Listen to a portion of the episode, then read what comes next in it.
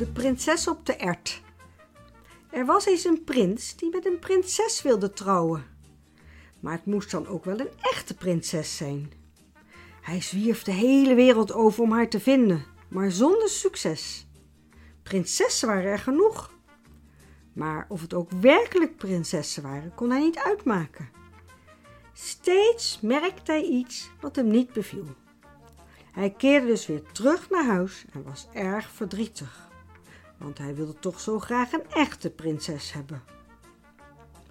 Op een avond in een verschrikkelijk stormweer, toen het bliksemde en onweerde en de regen bij stroom uit de hemel viel, werd er opeens aan de stadspoort geklopt.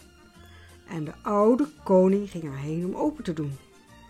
Er stond een prinses voor de poort, maar ach, wat hadden de regen en de storm haar toegetakeld. Het water stroomde uit haar kleren en uit haar haren. Het liep van voren in haar schoenen en uit haar hakken kwam het weer naar buiten. Maar ze zei dat ze een echte prinses was.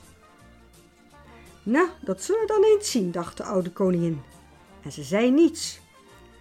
Ze ging de slaapkamer in, nam al het beddengoed eraf en legde een ert op de bodem van het ledikant waarin de prinses die nacht zou slapen.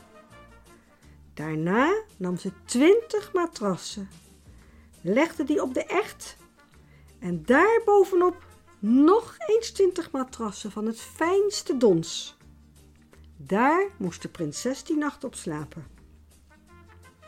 De volgende ochtend vroeg men aan haar hoe ze geslapen had. O, verschrikkelijk slecht, antwoordde de prinses. Ik heb geen oog dicht gedaan, de hele nacht niet. Ik kon het maar niet begrijpen er in mijn bed heeft gelegen. Ik heb op iets hards geslapen, zodat ik helemaal bont en blauw ben over mijn hele lichaam. Het is werkelijk afschuwelijk. Nu zag iedereen wel dat ze een echte prinses was, omdat ze door veertig matrassen heen de ert heeft gevoeld. Zo gevoelig kan alleen maar een echte prinses zijn. En dus koos de prins haar tot zijn vrouw. En de ert kwam in het museum, waar ze het nu nog te zien is, als ze tenminste niet weggenomen is door iemand.